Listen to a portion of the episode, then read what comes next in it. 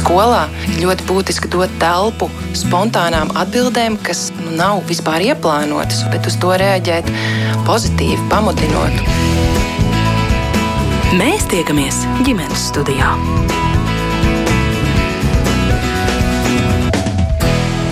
Labdien!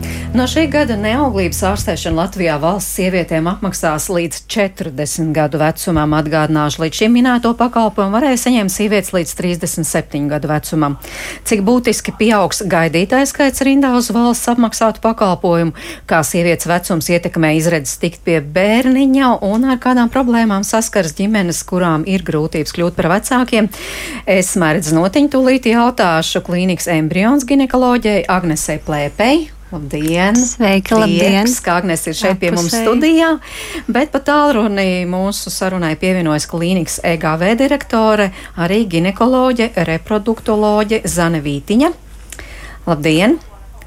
Labdien! Un arī Nacionālā veselības dienesta ārstniecības pakalpojumu departamenta ambulatoro pakalpojumu nodaļas vecākā eksperte Līva Sēle.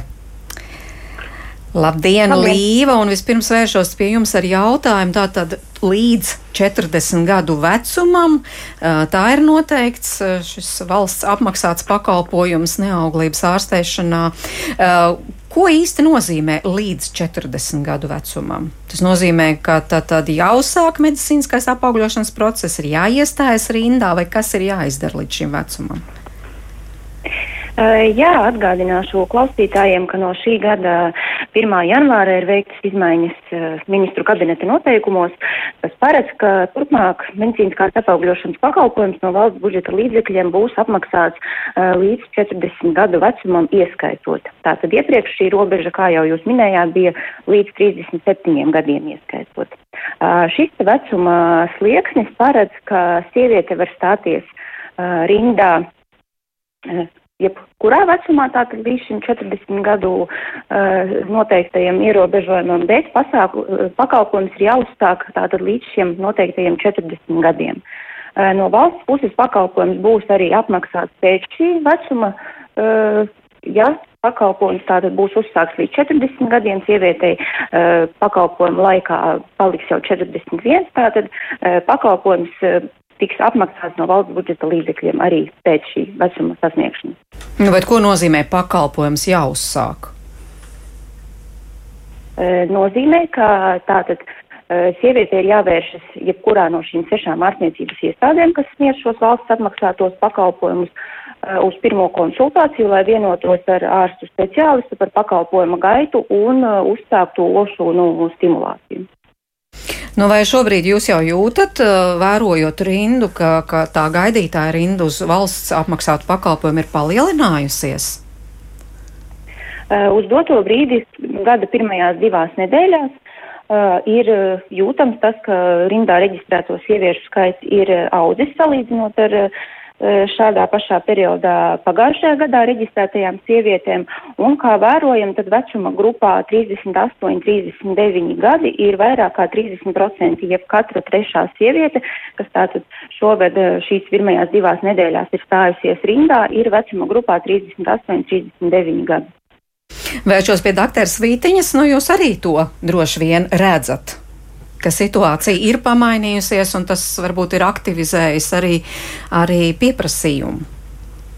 Jā, uh, pilnīgi noteikti mēs to redzam. Mūsu pacientus, kuras jau ir mūsu pacientus uh, ilgu laiku, šobrīd bez ārsta vizītes nāk uz reģistratūru, kuras jau ārstē neauglību ar šo metodi. Nāk uz reģistratūru, raksta iesniegumu un uh, stājas rindā, jā, nesagaidot pat ārsta vizītes uh, pienākšanu. Tā ka cilvēki ir dzirdējuši, plašsaziņas līdzekļos šī informācija ir izskanējusi, un mēs par to, protams, jau priecāmies, ka tāda iespēja būs arī gados vecākām sievietēm par 37 gadiem. Jo līdz šim tātad vecākām par 37 tas bija pašu apmaksāts. Jā, tas bija pašu apmaksāts, uh, un mūsu pacientu vidējais vecums kas ārstējas klīnikā, būtībā ir no 30 līdz 40 gadiem. Tā kā uh, mēs esam priecīgi, ka esam sadzirdēti, arī reproduktologi esam sadzirdēti, un kā, ka valsts ir radusi iespēju sadzirdēt arī šos pacientus un, un, un palīdzēt finansiāli šīm ģimenēm, kas vēlas bērniņus arī pēc 37 gadiem. Bet sievietes, kurām jau 38, 39, 40, nu, procentuāli cik daudz šādu sieviešu? Grūti pateikt, bet es domāju, ka tas ir kāds 30-40% no visām, no visām, kurām, kuras ārstējas klīnikā EGV. Bet kā sievietes vecums ietekmē iespēju palikt stāvoklī un sagaidīt savu bērniņu, jo nu, mēs taču zinām, arī eh, mediķi saka, šī robeža šķirtne 35 gadi, sievietes auglība samazinās un tā, tā kā skaidro mm. mediķi, olšūnu skaits Jā. olnīcās pasliktinās to kvalitāti, saslimšanas un tā tālāk. Tas ir tāds ļoti um, globāls jautājums, un es būtu ārkārtīgi priecīgi, ja par to runātu skolā, ne tikai par kontracepciju, bet arī par pareizu koncepciju un savu dzīves plānošanu. Jā, jo tā ir taisnība, ka pēc 35 gadu sasniegšanas uh, reproduktīvās funkcijas krītās, kaut arī mēs esam vēl jaunas, skaistas, veselīgas un spējīgas radīt bērniņu, it kā šķietamas, bet pēc nu, 35 gadus vecuma sasniegšanas pievienojas gan ģenitālās saslimšanas, gan arī ārpus ginekoloģiskās saslimšanas, kurām ir ietekme uz reproduktīvo funkciju. Un tā ir taisnība, ko jūs sakat, ka uh, pēc 35 gadu saslimšanas gan krītās olnītas rezerves, gan arī pieauga chromosomālo saslimšanu biežums. Mēs vēlētos, lai sievietes plānotu grūtniecību līdz 35 gadiem jau laicīgi. Mēs vēlētos, bet fakti ir citādi. Mūsu sabiedrība iet uz to, ka uh, bieži vien pēc karjeras sasniegšanas mēs plānojam ģimenes pieaugumu. Mums jāstrādā ar to, kas mums ir. Uh, Agnese, jā, ko jūs gribētu jā, šeit neliela piebilda par šo jautājumu, jo um, nedaudz paskatoties arī tādu vidējo statistiku, ja mēs nerunājam tieši par medicīnisko apaugļošanu, bet par sievietes vecumu, kā jūs sakat, tad uh, grūtniecība dabīgajā ciklā, piemēram, ja ir vecums 20, 30 gadi, iestājās aptuveni vidēji ar vienu ciklu katrai 4. 5. sievietei. Mēs paņemsim šīs četras sievietes, tad viena cikla laikā iespējamība, ka viena no četrām paliks nu, stāvoklī un viss būs labi. Šajā gadījumā sievietes, kurām ir 30, 40 gadu vecuma, tas ir viens no desmit jau. Tad katra desmitā viena cikla ietvaros viņai ir iespēja, ka grūtniecība iestāsies. Un tieši tā arī, kā teica Dr. Vītiņa, tas vairs droši vien nav lemjams. Uh, 40 gados, bet tas ir tā, tā ir tā izglītība, ko mēs runājam skolā, tas ir tas, ko mēs stāstam savām pacientēm. Tad, kad viņas nāk pie mums jau 20, 25. Tad, kad es viņām saku, kā ir bērniņu plānošana, tur 25, 26, 27, kaut kādā veidā man liekas, tā sabiedrība vienkārši jāmudina uz to.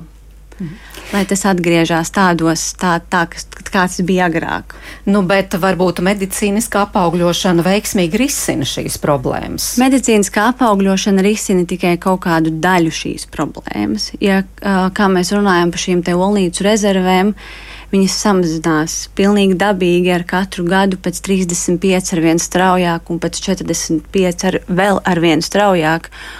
Un ir tieši tādi pati dati, kad arī medicīnisko apaugļošanu līdz 40 gadu vecumam, tas pozitīvais, piemēram, ja mēs ņemam grupu 36, 37, 38, 40, tas pozitīvais rezultāts iznākums ir ar dzīvi dzimušu bērnu skaitu ir līdz 20%.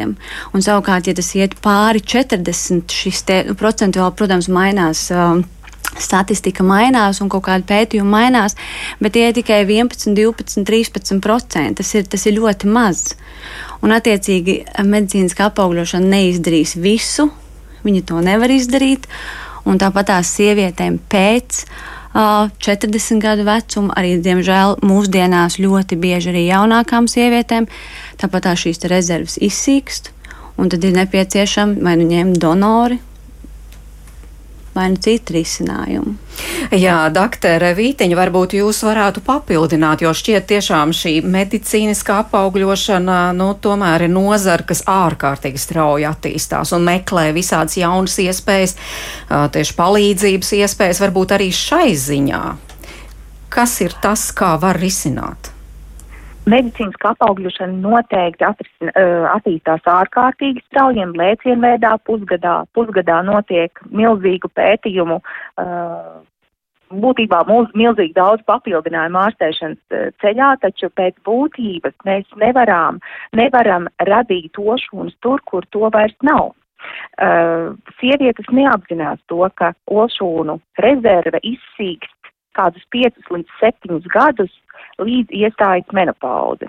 Pēdējie 5 līdz 7 gadi ovulācijas notiek tukšas, un pēc 44 gadus vecuma sasniegšanas būtībā pat, ja tās ošūnas folīkuļos ir, to kvalitāte ir uh, nepietiekama un vairs nevar radīt, notiek, tie ir ārkārtīgi reti gadījumi, uh, ne mūsu klīniku gadījumi, kuros uh, izdodas iznācāt veselu bērniņu šajā vecumā.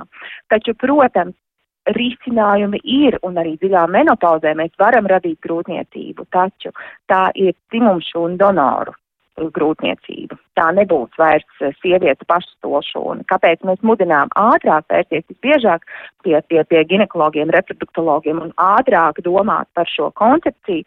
Tāpēc, ka visbiežāk Eh, cilvēki vēlas ģenētiski savu bērniņu, ja vien tas ir iespējams, ja nav priekšlaicīga menopauze, ja nav priekšlaicīga polnīca izsīkums sindroms, tad, eh, tad, tad eh,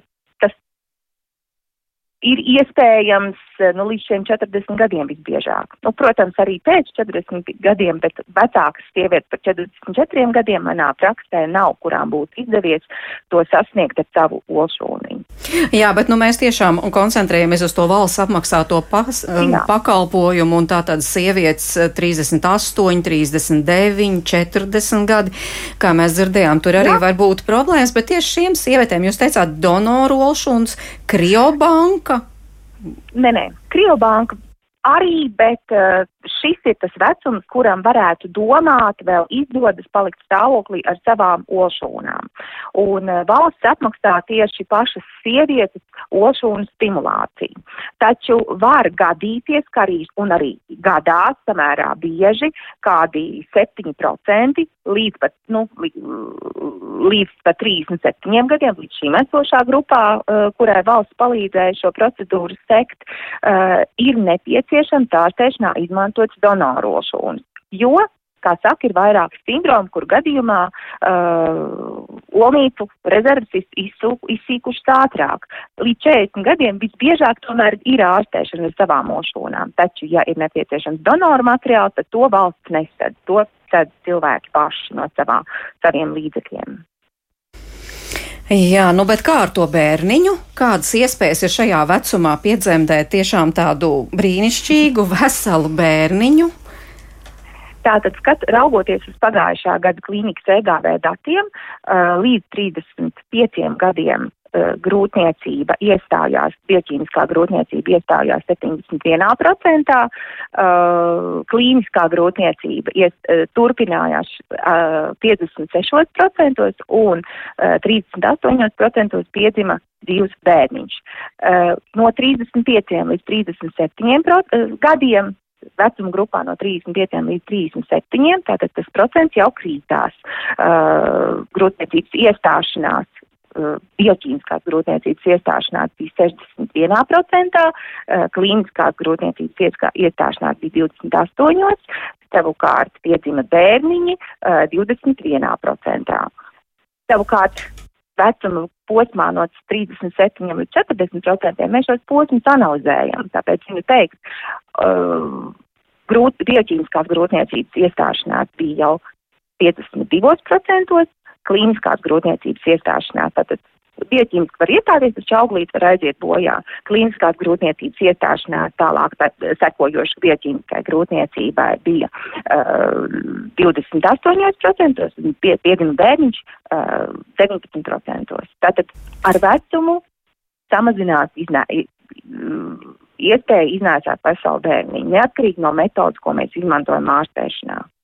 Nu, jā, neārstēšanā. Jā, nu ļoti grūti tā izsakot līdz tiem cipariem. Varbūt Agnese jūs tā kā vēl papildinātu, jo tiešām tas sapnis ir jau katras, katras sievietes, katra pāris sapnis ir par tiešām veselu, brīnišķīgu veselu mazulīti. Arī tad, ja, ja šī grūtniecība ir medicīniska un arī tad, ja sievietē jau ir tie 38, 39 vai 40 gadi.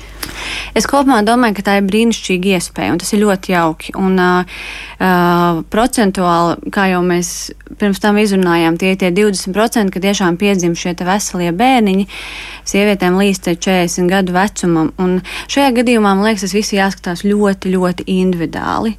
Un pat tad arī, ka mēs gan savus pacientus, gan pacientus vispār, kas nāk pie mums uh, no ginekologa ar nosūtījumu, kur ir apstiprināts šīs problēmas, vai, piemēram, viņas pat taisno atnāk pie mums, tā ir tā viena lieta, kad uh, šīs medicīniskās apaugļošanas rinda šobrīd valsts bija vidēji gan 20. gadā, gan 21. gadā bija 11 mēneši. Tas ir pietiekami liels laiks, lai sieviete izdarītu visu, ko viņa izdarīt, kas pirmām kārtām ir viņas vispār, ko viņa var izdarīt. Uh, pieaugot vecumam, kā jau arī dr. Vītīna teica, pieaug gan hroniskās saslimšanas, diemžēl, gan arī samazinās ulniecu rezervus. Šīs rezerves mēs droši vien nevaram ar šo 11 mēnešiem pielikt klāt vairāk, bet mēs varam izdarīt citus ļoti daudz būtiskus faktorus. Kā pirmām kārtām ir, mēs zinām mūsdienu visu situāciju ar lieko svaru, mēs zinām ar smēķēšanu, mēs zinām ar, ar uztura lietām, ar sportošanu. Uh, lieko svaru samazinot ļoti daudzām grūt, uh, sievietēm var iestāties grūtniecība. Ir jāsamazina dažādi faktori gan sievietei, gan vīrietim. Ir jāārstē savas kroniskās lietas, ir jāārstē vairogdziedzera saslimšanas, ir jādabūna kompensēti, piemēram, labi diabēti, ja pacientē tādi ir. Un to visu izdarot kompleksi, viņi izdarot pati no sevis. Tā varbūtība, ka tas bērniņš pieteiksies un ka tā grūtniecība iestāsies, manā skatījumā, ir daudz, daudz lielāka. Un tas neatiecās tikai uz uh, 35 gadiem vai tikai uz nezinu, 40 gadīgām pacientēm, bet pirms tam. Un tas ir tas, ko tas cilvēks var izdarīt, sakārtot savu veselību maksimāli lai kopīgs rezultāts būtu tas, ko mēs gaidām. Gan mēs, gan, protams, pacienti. Nu jā, bet nu, kā jūs redzat, kā ir tā realitāte? Vai realitāte... Tad, kad, tad, kad iestājas tiešām pāris rindā, tad tiešām tā vēlme ir tik liela, ka, nu, tā teikt, ir gatavi darīt visu? Tā vēlme ir liela, lielākajai daļai viņa ir liela. Jautājums, protams, no cilvēcīga faktora, cik mēs to visu varam izdarīt un kas ir, protams, izdarāms, bet tādēļ arī ir tā, ka mēs, piemēram, stājoties pacientu šajās valsts rindās, tas nav tā, ka viņi atnāk, es viņu vienkārši pieregistrēju lūdzu viņai aizpildīt anketu. Paldies uz redzēšanos, tiekamies pēc 11 mēnešiem. Mēs ar kolēģiem noteikti mēģinam arī tajā mirklī uh, saprast, izstudēt. Uh, kas ir pa problēmu, ko var darīt, ko nevar darīt. Tāpat tas vīrietis aizsūtīt pie urologa, tas, tas, tas pa punktiem izdarīt, lai maksimāli mēs būtu pēc iespējas veselāki, um, kad mēs iesim uz procedūru. Nu, jā, jūs jau te raksturojat, ka tas ceļš tiešām nav nedz viegls, nedz īss. Nu, ja mēs tiešām runājam par medicīnisko apaugļošanu, mēģināsim tā pavisam īsi atgādināt. Tātad pirmkārt ir jākonstatē šī problēma, kas arī nemaz nav tik vienkārši. Tad ir jāstājas rindā, kā jūs teicāt, vismaz 11 mēneši, un pēc tam arī tas pats process nav, nu, teiksim, dažu nedēļu jautājums. Vai tas arī nerada to situāciju, kā, kā, kā mēs dzirdējām no doktora Svītiņas, ka salīdzinot salīdzinoši daudz ir sieviešu, kurām jau ir nu, 35, 36, 37, 38 gadi. Tas nav ātri, bet tas arī uh, ļoti tas ir tas stāsts par šo katru individuālo gadījumu. Jo, ja man atnāks jauna meitene, kurai ir kādreiz bijuši dzīvē chlamīdija infekcija, kur rezultātā viņai ir olvadi bojāti, piemēram, kaut kad uztaisīta operācija vai ir bijusi ārpus zemes grūtniecība, kas nav zemes dobumā, bet, piemēram, olvados. Viņa attiecīgi ir uzņem, izņemta olvadi, un šī olvadu problēma ir šobrīd vienīgā, kas ir tāds nu, šķērslis, kādēļ grūtniecība nevar iestāties dabīgi. Tad šajā gadījumā tā nav, tā nav tik ilga uh, procedūra, ja viss izdodas. Šajā gadījumā ir stimulācija, kas vidēji aizņem, protams, visas analīzes, izmeklēšana, pirms tam aprunāšanās, stimulācija, kas aizņem vidēji, vidēji desmit dienas, pēc tam ir uh, šī punkcija ar nelielu intravenozu narkozi, kur rezultātā mēs iegūstam šīs olšūnas. Tālāk ir šī embriju kultivēšana, audzēšana līdz piektajai dienai, kas ietver valsts programmu, un tad attiecīgi pēc situācijas vai mēs. Uh, liekam uzreiz atpakaļ tajā pašā ciklā, liekam bērniņu atpakaļ, vai mēs gaidām nākamo vai aiznākamo ciklu, kā mums nu, tas ir medicīniski. Tas var aizņemt Mēnesi, pusotru, divas ir, kam tas aizņem ilgāku laiku, jo nesanāk varbūt ar pirmo reizi, kas arī ir normāli, un to mēs arī stāstam pacientiem. Tieši tāpatās kā var nesanākt dabīgajā ciklā ar pirmo reizi, tieši tāpatās arī var nesanākt arī veicot medicīnisko apaugļošanu ar pirmo reizi. Un tie ir tie faktori, ko ar pacientiem, ko mēs noteikti izrunājam. Mhm. Jā, bet doktora Vīteņa, jūsu viedoklis, vai tomēr nav tā, ka nu, pieņemts tā ilgāk gaidīt, mēģināt, uh, un uh, tā problēma tiešām tiek risināta mm, jau vairāk pie tā 40 gadu vecuma sliekšņa? Es gribētu teikt tā, ka cilvēki, cilvēks no cilvēka atšķiras pāris no pāra atšķiras un būtībā ko es ļoti vēlētos uzsvērt, tas nav tik sarežģīti, kā mēs te mālējam, un tas arī nav tik grūti, kā mēs mālējam. Jā, emocionāli cilvēkiem ir grūti tam iet cauri, tāpēc, ka šī procedūra, šī ārstēšana saistās ar ļoti vēlamu grūtniecību, taču tas visbiežāk mums ir bailes no nezināmā. Arī sākot apgūt kādu jaunu uh, datoru programmu, uh, mēs parasti ļoti baidāmies, nezinām un, un, bīstamies pirms kaut, pirms esam to apguvuši, bet pēc būtības medicīniskā apaugļošana nav nemaz tik sarežģīta. Tās pamatā ir radīt tošūras, apaugļot un atdot vecākiem atpakaļ, ievietojot viņu dzemdē. Uh, arī tā inicēšana nav tik sarežģīta. Uh, man liekas, ka mums drīzāk būtu jāiedrošina sabiedrība nekā jābiedē, ka tas ir kaut kas ļoti ilgstošs. Bet otra lieta ir tāda, ka uh, šī gaidīšana rindā uz šo valsts apmaksāto pakalpojumu varētu arī nebūt. Ideālā gadījumā būtu tā, ka nāk cilvēks pie ārsta un viņam mēs uzreiz varam piedāvāt šo palīdzību ārstēties, ja tas ir iespējams bez, nu, bez tādas īpašas sagatavošanas. Savukārt pacientiem, kurām, kuriem ir nepieciešama sagatavošana, nu, nedaudz atlikt, atbilstoši sagatavojot. Uh, Jā, pacienti atliek šo ārstēšanu ļoti bieži aiz bailēm, ļoti cerot, ka tā grūtniecība iestāsies uh, tomēr pa, uh, pašiem, bet uh, jāatzīst arī pētījumi liecina par to, ka uh, ārstējot un indicējot ovulāciju konservatīvi, tie medikamenti ir daudz kaitīgāki, ar daudz lielākām blaknēm un uh, iespējamu nākotnē olīņas vēža robežu stāvokļa rašanos nekā šie medikamenti, kur tiek izmantojot medicīniskās apaugļošanas stimulācijas laikā. Vai es atbildēju uz jūsu jautājumu? Trīs, trīs Eh, tēmas centos ietvert vienlaicīgi. Jā, tiešām eh, klausītāji arī klausās eh, un domā līdzi, un tiešām paldies par to. Un tā, tie, tās atsauksmes no mūsu klausītāja puses šobrīd tādas, piemēram, Annika raksta, zinu apkārt sievietes, kas netiek pie bērniņiem, bet nav gatavs atmest smēķēšanu un vīna glāzi vakarā. Man tas šķiet absurdi. Agnes. um, nu, es domāju, ka smēķēšana ir jāatmet par vīna glāzi vakarā. Ziemassvētkos es domāju, ka tas nebūs tāds noteicošais faktors, kas, uh, kas būs tas, kas pateiks, nē, tas ir iemesls, kādēļ jūs nevarat tikt pie bērniņa. Tas ir tāds kopējs faktors. Tas ir, nu, tas ir tas, ko es teicu. Uh, Darām maksimāli, visu mēs nevaram izslēgt. Tas vienkārši nav iespējams pie mūsdienu pasaules. Nu, mēs nedzīvojam nekādā. Mēs to vienkārši, tas vienkārši nav iespējams izdarīt. Un es droši vien piekritīšu doktorai Vītiņai, ka tas viss nav tik uh, traki, kā tas ir. Un ir ļoti daudz sievietes, kas arī saņemot šo valsts vēstuli, šo uzaicinājumu, ka viņi varētu nākt darīt jau tagad, un pēc diviem mēnešiem viņai varētu būt jau bērniņš cik iestājusies grūtniecība, viņa gaida. Viņa saka, bet, nu, nē, es īsti man ir bail, varbūt labāk dabīgi, es varbūt vēl pagaidīšu, nu, varbūt vēl nedaudz paciešamies un pamēģinam vēl kaut ko. Tas ir tāds diezgan liels. Um, stereotips, kas ir valstī vispār, nu, es domāju, ne tikai pie mums, bet visur citur.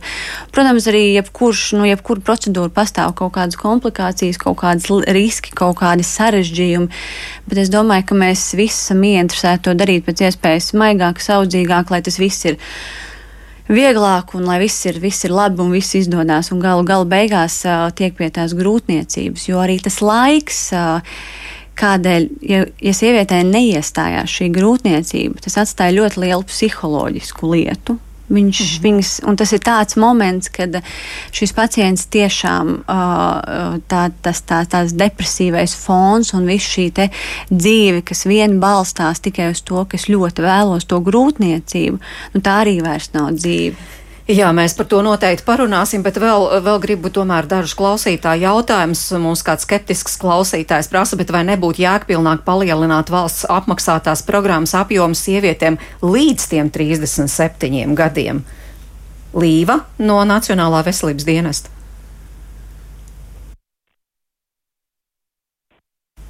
Līva Sēle, jūs mūs dzirdat? Jā, jā, dzirdu. Um,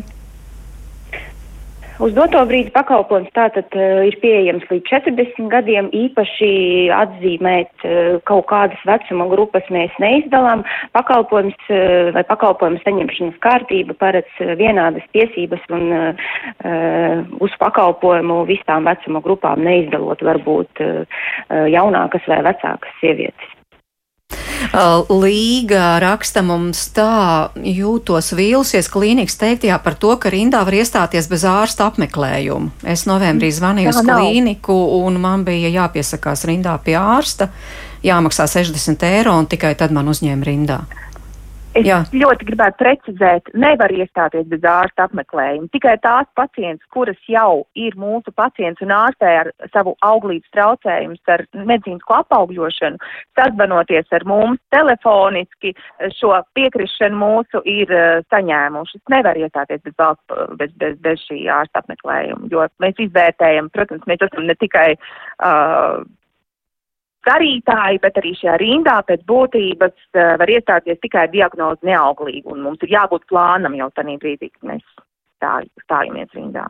Jā, Agnes, jūs iebilst. Pacientē tas būtu jāizmaksā nu, 4 eiro, ja nemaldos. Tā ir tā summa, kas ir šis NVD. Un jautājums ir dažreiz savādāks, ka viņas atnāk rindā var iestāties atnākot ar uh, valsts atmaksātu uh, ginekologu nosūtījumu, kad ir šī diagnoze neauglība un attiecīgi ļoti daudz speciālistu ir uzdevusi piemēram neauglību un apakšā kaut kādu komentāru, jā, tad mēs varam paņemt uh, šo pacientu. Es viņam mērvīgs tāpat tās apskatos un tikai tad, nu, tā kā reģistrē rindā un tas ir 4 eiro maksā. Ir kaut kādas situācijas, ka viņi sakā atnāk pie mums bez uh, ārstu nosūtījumiem, bez nekā, tā kā uz pirmreizēju vizīti, tad gan šī lieta tāda, ka mēs, protams, uh, uh, skatāmies, izmeklējam un visas pārējās lietas, kas iespējams var izmaksāt dārgāk pacientiem. Mhm. Un vēl arī Aivijas jautājums, ja man šobrīd 40 gadi un viena veiksmīga valsts apmaksāta grūtniecība aiz muguras, vai es varu šobrīd atkārtot pieteikties rindā? Līva. Jā, ja pacientē ir bijusi viena veiksmīga procedūra, var reģistrēties rindā atkārtoti. Valsts neapmaksā pakalpojumu, ja ir bijuši divi neveiksmīgi gadījumi. Tad gan vairs trešo, kā teikt, atkārtoto reizi rindā vairs stāties nav iespējams, ja ir bijuši divi neveiksmīgi. Ja ir bijis viens pakalpojums ar pozitīvu iznākumu, protams, pacienti var reģistrēties rindā atkārtoti. Un vēl tāds arī klausītājs Ingas secinājums - sociālās dzīves parametri šobrīd iet pilnīgā pretstatā bioloģiskajiem procesiem. Tepat ģimenes studijā daudz runājot par nobriedušiem vecākiem, kas, kas gatavi bērniem, bet reti, kurš nopietnē vecāka lomā ir gatavs 25 gados. Nu jā, tā tas diemžēl ir, bet Agnes jau pieminēja tiešām šos emocionālos faktorus, un, un tas patiešām nav tik vienkārši. Varbūt nav vismaz tām tiem pāriem, kas to dara, kā, kā šeit stāsta, nu, šī medicīniskā apaugļošana. Un, starp citu, to pētīja arī Rīgas Tradiņu universitātes antropoloģi un par pētījumu rezultātiem, jo viņi tieši arī skatījās par šo procesu un ko varētu vēl uzlabot. Un, un par šo stāsta Rīgas Tradiņu universitātes sociāla antropoloģa Diāna Kiščenko. No 2018. līdz 2020. gadam mēs Rīgas Tradiņu universitātes antropologi veicām pētījumu par valsts un radniecības miedarbību. Un šī pētījuma ietvaros mans fokus bija uz neauglību, neauglības ārstēšanu un medicīnisko apaugļošanu. Es skatījos uz to, kāda ir situācija Latvijā, ko valsts dara, kā iesaistās, kā palīdz, kā atbalsta. Un, uh, un skatījos, kā paši pāri, paši sievietes risina šo sarežģīto jautājumu. Tie būtiskākie secinājumi ir tādi, ka pirmkārt sievietes, es lielākoties runāju ar sievietēm, ka pietrūkst psiholoģiskā atbalsta šajā procesā. Sievietes atzīst, ka viņas iet cauri tādam nevien fiziski, bet arī emocionāli ļoti smagam un sarežģītam procesam, un viņām dažkārt ir grūti runāt ar pašiem tuvākajiem par šo jautājumu. Un iespējams tas saistīts ar to, ka vēl joprojām sabiedrībā ir aizspriedumi, mīti par cilvēkiem, kuri nevar radīt uh, kaut kādu iemeslu dēļ pēcnācēju. Un droši vien tas ir jautājums par to, kā mēs vispār domājam par sievietēm vai par pāriem, kādas ir tās funkcijas, vai vēl joprojām mēs noliekam centrā sievieti kā reproduktīvo funkciju veicēju, un vai vienmēr, ja cilvēks sanāk kopā, tad vienmēr automātiski ir jābūt bērniņam. Un tas ir viens, uh, respektīvi, šis atbalsts, atbalsts pāriem, psiholoģiskais atbalsts. Otra tāda joma, kas iezīmējās, ir informācija, informācijas uh, pieejamība un izglītība.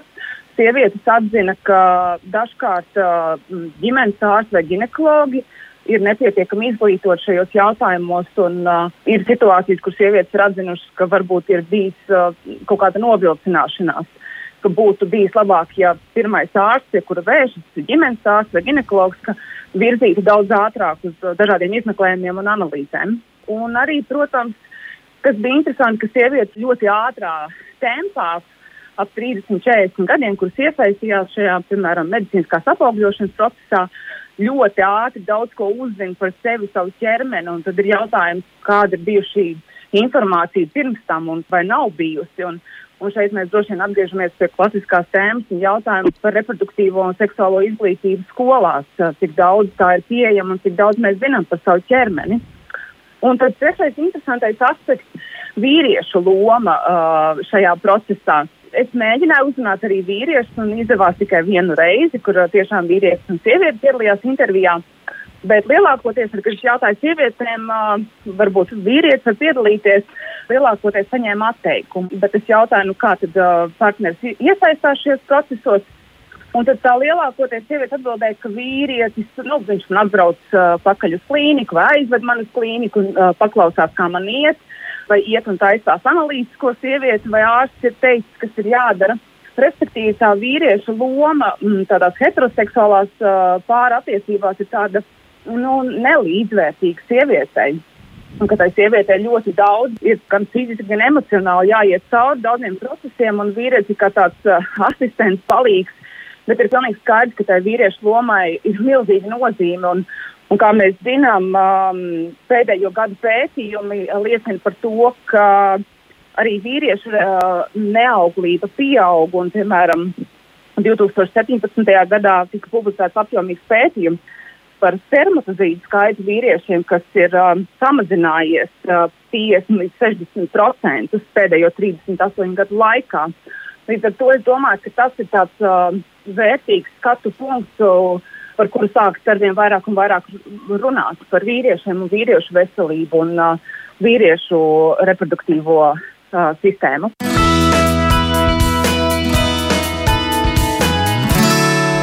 Tā bija sociāla antropoloģa Diana Kišenko un atgādina no klausītājiem tātad klīnikas EGV direktore, ginekoloģa, reproduktoloģa Zane Vītiņa, arī klīnikas embrions ginekoloģa Agnese Plēpē un Nacionālā veselības dienesta pārstāv Līva Seila. Seila ir šeit eh, ģimenes studijā, un mēs runājām par medicīnisko apaugļošanu. Tātad jaunums ir tas, kas šogad, sākot no 1. janvāra, rindā var stāties arī sievietes, eh, kurām ir 40 gadu, bet klausoties sociālā antropoloģijai, te tiek ieskicēti vairāki tādi, uh, nu, problēma, jautājumi, kurus, kurus vajadzētu risināt, nu, piemēram, Agnese, kas jums šķita no šī tiešām būtiski? Būtiski noteikti ir šī vīriešu loma, jo, kā mēs zinām, neauglība tā nav tikai sieviešu lieta, tas ir, tas, tā, tās ir pāri, tas, tas mums tas uz visu jāskatās kā uz pāri kopumā. Un, ja mēs nu, runājam par neauglību, tad īsnībā pēc tādiem vidējiem datiem 35% ir sieviešu neauglība, 35% ir vīriešu neauglība. Uh, aptuveni 20% tas ir kopēji, ka gan vienam, gan otram ir uh, kaut kādas veselības problēmas, un 10% ir tie, ko mēs nevaram izskaidrot. Ka mēs skatāmies, un mums liekas, gan no vienas, no otras puses viss ir kārtībā. Tā kā tas ir tas, uh, kad iespējams būtu vajadzīga lielāka šī vīriešu iesaiste šajā procesā. Jā, doktor Vītiņ, ko jūs uzsvērt, jo tiešām šis process, nu, vai kā lai saka, tas valsts atbalsts nepārtraukti tiek papildināts. Ja mēs skatāmies, tad, piemēram, 2012. gadā vispār tas tika uzsākts, ka valsts arī finansē, ir tās valsts programmas, tad 2018. gads izveidoja centralizētu rindu, kas ir pārskatāmāk un arī saprotamāk. Nu, tagad ir šis vēl jauninājums, tātad palielināts gadu skaits. Vai jūs no tām iezīmētajām problēmām jūs arī redzētu? Redzētu kādu no risināmām? Jā, e, pirmkārt par to 40 gadu sliekšņu pacelšanu man ir liels prieks, jo vairumā Eiropas valstu un arī austrumu valstīs, kurš atbalsts tiek sniegts no valsts puses, uh, vecuma slieksnis ir augstāks nekā 37 gadi. Tie 37 gadi iesākot šo valsts atbalstu mums bija kā tāds liels sasniegums, ka esam panākuši pēc desmit gadu cīniņa ar valsti un dažādām institūcijām vispār valsts atbalstu. Bet tas ir loģiski solis no valsts reproduktīvās politikas puses. Runājot par pētījumu, tas tiešām ir ļoti interesanti. Trī, trīs interesanti slēdzieji, par katru no tiem mazliet labprāt komentētu, un, un piekrītu tam, ka, šie, eh, ka trūkst psiholoģiskā atbalsta pacientiem. Eh, tas ir smagi iet cauri šiem, proces, šie, šīm procedūrām. Un arī, arī tām pacientēm, kurām grūtniecība neiestājas, pēc būtības 8. dienā pēc embrija transfēra zemdē var noteikt grūtniecības hormonu klātesamību asinīs, kas liecina par to, ka grūtniecība ir iestājusies vai nav iestājusies. Taču šīs astoņas dienas sieviete ir jau un pāris jau ir dzīvojis, domājot, ka viņi gaida bērniņu. Līdz ar to viņi faktiski uh, sastopas ar gandrīz vai grūtniecības zaudēšanu situācijā, kur viņi grūtniecībā nemaz nav, grūtniecībai nemaz nav gājuši cauri. Uh, Jā, manu pacientu vidū un arī ne tikai manu pacientu vidū, bet Latvijā ir atsevišķas drosmīgas sievietes, kas uh, pašas ir gājušas šīm ārstēšanām, šai, šai ārstēšanai uh, cauri un kuras ir vairāk kārtīgi organizējušas uh, nu, tādas īslaicīgas atbalsta grupas uh, šiem pacientiem, kuriem pat labāk iet medicīnas kā apaugļošana, vai kur arī ir kaut kādu zaudējumu piedzīvojuši. Es esmu lepni par šīm sievietēm un pateicīgi, taču es arī saprotu, cik viņām pašām ir ārkārtīgi grūti šīs atbalsta grupas organizēt, -hmm. jo mhm. katrā no tām viņas kārtējo reizi piedzīvo arī savu zaudējumu. Jā, starp citu. Ir drosmīgi par to runāt. Jā. Jā, starp citu, ģimenes studija arī uzrunāja vienu šādu sievieti. Viņa tā tad, nu, viņu pāris savu bērniņu gaidīja piecus gadus, un ārsti apstiprināja neauglīgi ir abi, tāpēc arī pāris uzsāka šo, šo mākslīgo vai medicīnisko, jāpasaka precīzāk, apaugļošanu. Klausāmies pieredzes stāstā. Jā, ārsta apstiprinājums tāds arī bija, un, lai cik interesanti nebūtu, tas bija mums abiem. Labi, vīriešu gadījumā to tā nevar pateikt, jo tā situācija mainās pa mēnešiem, pa dienām un tam līdzīgi, bet man tas bija diezgan noteikti, jā, tas um, pamatiemesls bija endometrioze. Un arī vīram uz to brīdi, vismaz, kad tika veikts analīzes un kad nonācām pie tā apstiprinājuma, tad, jā, tad arī viņam tā spermas kvalitāte nebija tāda, kādai būtu jābūt, bet pie medicīniskās apaugļošanas vīriešu gadījumā tas der. Un tas ir ok, jo no, tie, no tiem daudziem peldētājiem tur vienmēr kādu var atrast, un, un tas ir ok. viņš nebija par to galveno iemeslu. Noteikti, ja sievietei viss būtu kārtībā, tad arī viss būtu sanācis dabīgi. Bet, jā, bet vismaz mums tas bija tā kā abiem, un kad ģimenes ārsts rakstīja nosūtījumu uz valsts rindu, viņi teica, nu kā tā var sakrast, nu kad abiem. Tā tad ir šis ārstu slēdziens, tur tāpat droši vien paiet eh, gadi, lai vispār nonāktu pie tā slēdziena. Jā, tas ir ilgas analīzes. Jā, katram tad konstatē šo viņa uh, iemeslu, kāpēc tad nevar būt. Un tad uh, dodies pie ģimenes ārsta ar šiem ginekologu, urologu, tā tālāk slēdzieniem ar katru specifiskā ārsta. Un ģimenes ārsts ir tas, kurš caur Nacionālajā veselības dienestu ieliek jūs šajā gaidīšanas rindā. Tā to var nosaukt. Jā, un tad uh, katram rindā tiek piešķirta vieta. Nu, Nacionālajā veselības dienestā tu vienmēr vari uzzināt, kā, kas apmēram notiek, kāda ir tā aptuvenā situācija, vai gadīšanas laiks ir divi gadi, gads, pusgads, cik tā kā vēl ir atlicis. Mums tas bija, es nemaldos, pusotrs gads, bet pa to laiku arī man bija jāiziet daž, dažādas vēl citas medicīniskas manipulācijas lai principā sagatavotos tam visam. Un, kad tev pienāk valsts rinda, tad tev tiek parādīts šīs klīnikas, kuras tu vari izvēlēties. Un šo izvēli patiesībā tu izdari tikai tad. Mūsu gadījumā tieši tas bija ļoti viegli. Devos pie pazīstamas ginekoloģijas. Viņa strādāja tieši šādā klīnikā, kur arī veic valsts apmaksātās apaugļošanas. Bet īstenībā, ja tas lēmums jāveic no pilnīgi baltas lapas, nemaz nevar iedomāties, cik ir sarežģīti atrast to savu speciālistu, ar kuru tev saskanu. Un, un ka tu viņu jau zini un vari uz viņu paļauties nodarbojas ar visu to veselību pilnībā. Es domāju, ka tas ir ļoti, ļoti grūti. Un īstenībā šis ir tas jautājums, ko man visbiežāk uzdevuši paziņas. Kuru klīniku man izvēlēties, ko man darīt, jo es arī mentorēju pāris meitenes, kurām tad es palīdzu ar kaut kādu padomu, ar izvēli, ar kaut kādu situāciju, ka viņas man naktī var piezvanīt par kaut kādiem medikamentiem, pajautāt, vai par kaut kādu ievadīšanu, vai par kaut ko, un tad arī aprunājamies, vai vienkārši papļāpāt par to tematu, jo emocionāli tas ir vienkārši ļoti, ļoti grūti. Un tas lielākais, kas tajā procesā trūkst, ir kaut kāds psiholoģisks atbalsts. Jo tas speciālists tev ir, un viņam ir vizītes, un viņam ir tā vizītes standarta. Viņš aprunājas 20 minūtes, hop, hop, zāles, medikamenti, tas piecreiz dienā pat trim, tas šitā.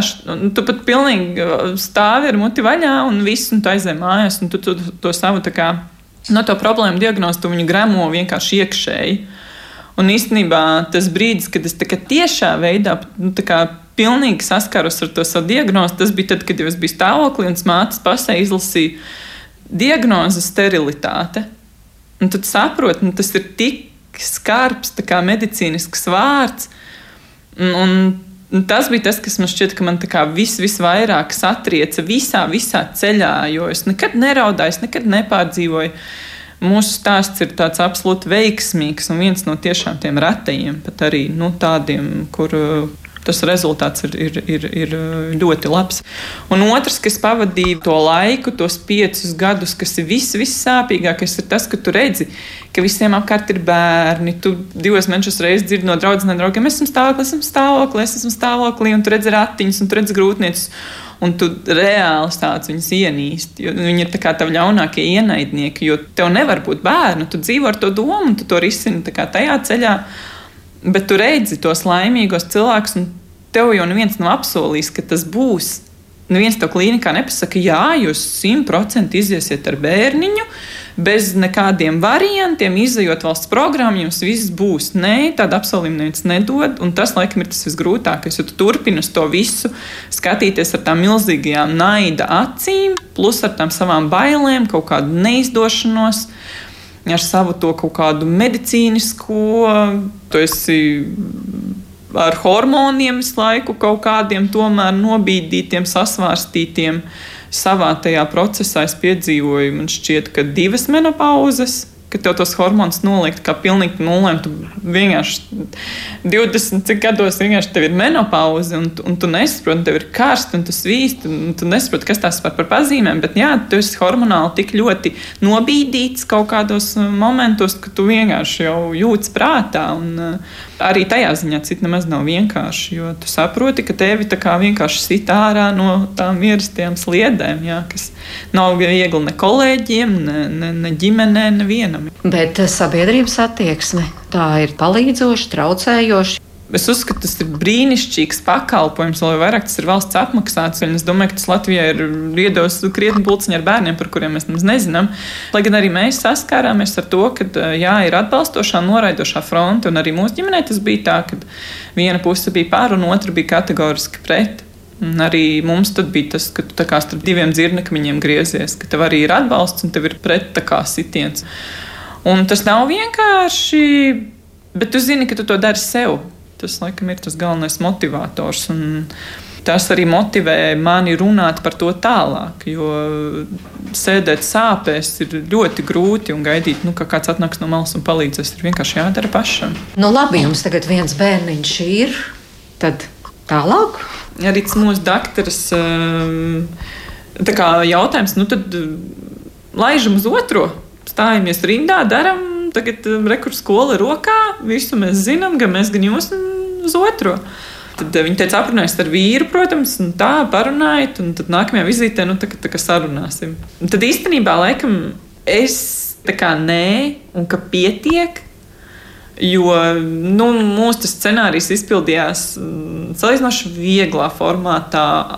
Es pat gribētu teikt, ka ātri.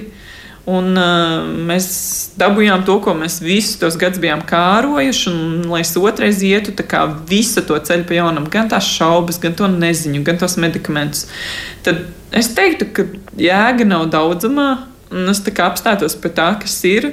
Un varbūt, daba ir pati ieplānojusi kaut ko priekš kaut kā savādāk, ko mēs arī nezinām. Medicīniski varbūt kaut kā tā situācija ir pamainījusies pēc dzemdībām pēc visām tām hormonu izmaiņām.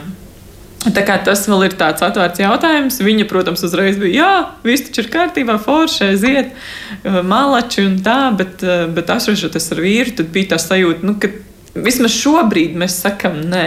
Bet tā kā arī tā rinda ir atkal tas ilgais, tad, protams, tu vari iestāties. Nu, un tad, kad pienāks tā rinda, tas pusotrs, divi gadi, varbūt jau būs tas brīdis, jā, pasties, cik labi, ka mēs iestājāmies. Un esam tiešām arī gatavi tam otriem, jo gadi jau arī nestāv uz vietas.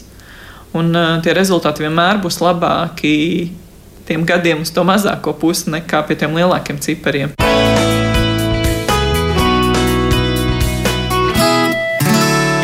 Nu, šāds lūk, ļoti patiess un emocionāls stāsts. Tiešām liels paldies no ģimenes studijas puses, jo ļoti grūti man mēģinam uzrunāt sievietes, kuras ietam cauri un nav gatavs runāt, stāstīt. Vēl jau vairāk vīriešu, kā mēs arī dzirdējām no pētnieces puses. Agnese, klausoties. Par šīm tieši par to emocionālo pusi, varbūt tas būtu tas nākamais solis, par ko būtu jādomā tiešām, ja mēs runājam par medicīnisku apaugļošanu un valsts finansiālu atbalstu šajā ceļā. Jā, ir daudz Eiropas Savienības valsts, kurās ir speciāls šīm pacientēm, nevis ir tikai ietverta medicīniskā procedūra, apaugļošana kā tāda, bet arī psihologi, psihoterapeiti, atbalsta grupas, kurās viņas var dalīties, runāt, ietam visam līdzi, uzdot jautājumus un um, visu šīs lietas risināt. Tas ir viena lieta, un otra lieta pēc tā stāsta klausoties, ko šī sieviete jaunā stāstīja šie pieci gadi un pieci gadi ir daudz, un tas ir tas, ko es laikam aicinātu visas tiešām mīļās sievietes um, meklējiet ātrāk to palīdzību. Un tāpēc ir tas, nu, tas, tas, tas tāds viens gads, ir jauns, vesels pāris, neizsargājās, dzīvo savu dzimumu dzīvi, plāno grūtniecību, ir pagājis gads, mums nekas nesanāk. Protams, varbūt paies viens, divi, trīs mēneši un sanāks, bet šis ir tas laika posms, kad es tomēr varbūt ieteiktu. Varbūt aizējam, es varbūt aiziešu pie savā ārsta, varbūt apskatīsimies, varbūt tev vīrs mīļais ir jāuztais tā spermogrāma. Un tad tas arī ir tas mirklis, ka nav pagājuši tie pieci gadi, kad es psiholoģiski, emocionāli un visādi citādi esmu zaudējusi cerību. Kā pacienti šī sieviete teica, es ienīstu visus, kuriem ir bērni. Man tas viss, jo tas, tas, tas ir tas šausmīgi psiholoģiskais, emocionālais moments, kas tajā mirklī sākas spiest, un tas traucē visam Tāpēc es domāju, ka nedrīkst vilkt. To nedrīkst tā, ai, būs labi, būs labi, un iet viens gads, un divi gadi, un trīs gadi. Man arī ļoti daudz tādu pacientu, kas atnāk septiņus gadus, mēģinam, nekas nesanāk. Nu, labi, mēģinam vēl. Tas ir tāds, par ko noteikti vajadzētu padomāt. Mhm. Doktor Vītiņa. Tātad, atbildot uz jautājumu, vai uh, būtu, tas būtu nākamais, ko, ko varētu mēs lūgt, kur mēs varētu lūgt palīdzību no valsts, man šķiet, ka tas nav nākamais. Nākamais noteikti ir jāizdara jārada cita rinda onkoloģiskiem pacientiem. Uh, manuprāt, tas būtu uh, nākamais, ko mēs varētu palīdzēt, jo ir ļoti daudz pirmās, otrās stadijas onkoloģisko pacientu ar ļoti labu izārsta, jaunu pacientu bez bērniem, ar ļoti labu prognozu attiecībā uz dzīvību un izārstēšanos, bet uh, viņām mēs varētu palīdzēt uh, viņu ģenētisko materiālu, viņu ošūniņus iesaldējot pirms radikālas operācijas. Jā, runājot par psiholoģisko atbalstu, būtu labi, un es saprotu, ka valsts šobrīd tajā virzienā arī iet, ka e, nodrošina arī psiholoģisko palīdzību. Taču, manuprāt, efektīgāk šī psiholoģiskā palīdzība ir ārsts psihoterapeitu vidū nekā psihologu e, tieši pacientiem ar auglības traucējumiem. Taču tie savukārt nav pieejami ir pieejami mazāk. Bet jā, tajā virzienā noteikti būtu jāstrādā. Mēs arī kā klīnika esam radījuši psiholoģisko atbilstu atbalsta platformu, ir radīta ļoti skaista filma 2020. gadā ar četriem, četru pāru stāstiem, uh, stundu gara filma, var apskatīties mūsu klīnikas mājaslapā par to, kā šie pāri ir gājuši cauri procesam. Un runājot par jaunās sievietes pieredzi, uh, otrais ir vieglāk. Vienmēr otrreizējošam procesam, ārstēšanas procesam, medicīniskai apaugļošanai ir vieglāk, jo jūs zinat, ka jūs to varat paveikt. Līdz ar to nav tik ļoti jābaidās par to, ka jūs iesiet cauri tādam pašam emocionālam slogam. Un jums tiekam ir arī bērniņš, kas mājās jau smaida un rada apstākļus uh, nākamajam. -hmm. Par novilcināšanu runājot, nu, mēdz būt situācijas, kad uh, gan paši pāri novilcina, vai arī kolēģi novilcina, taču attiecībā uz kolēģu rīcību, manuprāt, arī jau no gada no gada ir labāk. Mēs reproduktologi tā veicam arī apmācības uh, gan ģimenes ārstiem, gan, gan ginekologiem, un, mūsu klīnika arī jau ceturto gadu pēc kārtas ir norganizējusi konferenci, kur, kur ļoti, kur aicina visas uh, Latvijas ginekologus, mēs izbraucam braucam uz perifērijām, uh, uz šīm, nu, darām visu, lai izglītotu. Un tiešām tas nes augļus. Un runāt par vīriešu lomu šajā procesā, nu, man ir ļoti liels pārsteigums par šiem pacientiem, par šo pētījumu rezultātiem, tāpēc, ka es savā kabinetā redzu pāris pārsvarā, ja neskatās šos divus pēdējos Covid gadus. Un vīrieši ir ļoti ieinteresēti un atbalstoši un ļoti gatavi iesaistīties visā, protams, kāds 7% Eh, apmēram 7% ir eh, mačo tipa vīrieši, varbūt kuriem netik ļoti būtu spēja gan pieņemt, ka problēma ir viņā, gan ārstēties, bet lielākā daļa ir eh, pāri. Tiešām pāri, mm -hmm. kas, kas iet kopā, kā, kā dejā, kā tango. Brīnišķīgi, brīnišķīgi. Nacionālais veselības dienas dažos vārdos mums ir jābeidz. Vispār redzat šo nākamo soli emocionālais atbalsts? Uz doto brīdi eh, redzam, noteikti sadarbībā arī ar reproduktologu biedrību turpmākajos eh, mēnešos un gados mēģināsim attīstīt arī pakalpojumu šādā virzienā. Uz doto brīdi jā, pakalpojums eh, neietver psihologa vai psihoterapeita konsultācijas. Valsts apmaksātas konsultācijas sieviete var saņemt vēršoties pie sava ģimenes ārsta un attiecīgi saņemot nosūtījumu, bet, protams, sadarbībā ar speciālistiem varam strādāt, lai pakalpojumu vēl vairāk vairāk attīstītu un papildinātu. Paldies, un vēl kāda māma mums komentē, ir ļoti grūti ielaist galvā domu par neauglību. Tas paņemtos gadus, zinu no pieredzes. No tālūk, paldies par šo sarunu. Es saku Zanai Vītiņai no klīnikas EGV, Agnesē Plēpē no klīnikas Embrions un Līvai Selvē no Nacionālā veselības dienesta. Pie skaņu pulta šodien bija Rita Karnača, Ilza Zvaigznē, mūsu raidījuma producenta, un es mērķis notiņu pie mikrofona, un man atliek tikai piebilst, meklējiet mūsu raidījumus arī zināmākajos sociālajos mēdījos un populārākajos podkāstu podkāstu vietnēs. Un paldies, ka klausījāties. Visu labu!